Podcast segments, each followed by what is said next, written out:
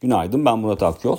Bugünün odak noktasında FED toplantısı var. Türkiye saatiyle 21'de sonuçlanacak toplantı. Ee, FED Başkanı Powell'ın son yaptığı açıklamayı baz alırsak FED'in faiz oranlarında herhangi bir değişiklik yapması beklenmiyor. Ee, dolayısıyla burada aslında faiz kararından ziyade e, FED'in sonraki dönemlere ilişkin vereceği mesajlar çok daha fazla önem taşıyor. Bu noktada piyasa beklentisine baktığımızda Aralık ayında da bir faiz arttırımı beklenmediğini görüyoruz. Dolayısıyla FED'in bu beklentiyi ne ölçüde karşılayacağı önemli olacaktır ama şunu söylemek gerekir ki e, son dönemde açıklanan makroekonomik verilere baktığımızda oldukça kuvvetli veriler görüyorduk. E, dolayısıyla FED de bu veriler, verilerden de yola çıkarak e, bir faiz artırımına da açık kapı bırakıyordu yaptığı açıklamalarda. Hala istihdam özellikle oldukça kuvvetli. Dolayısıyla FED'in faiz artırımına tamamen kapıyı kapatması çok kolay olmayacaktır.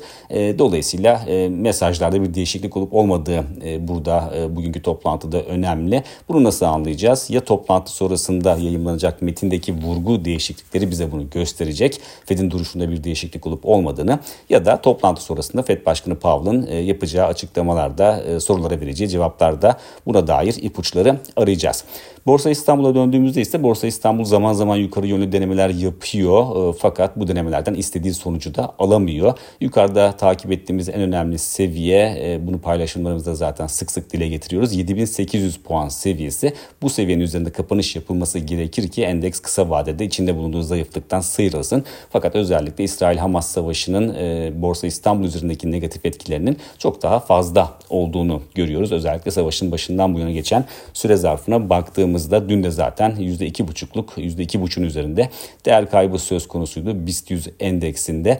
Aşağıda takip ettiğimiz en önemli seviyesi trend desteğinin geçtiği 7400 puan seviyesi. Dolayısıyla geri çekilmelerin bu seviyenin üzerinde karşılanması oldukça önemli. E, yukarıda ise tabii ki 7800'ün aşılması gerekir. E, FED toplantısı da bugün oldukça önemli e, küresel risk iştahı açısından. E, bize doğrudan bir etkisi muhtemelen tabii ki olmayacaktır ama e, ABD piyasalarının kapanışını e, etkileyecektir. E, küresel risk iştahını etkileyecektir. Dolayısıyla bizim açımızdan da e, buradan bakarsak önemli bir konu başlığı.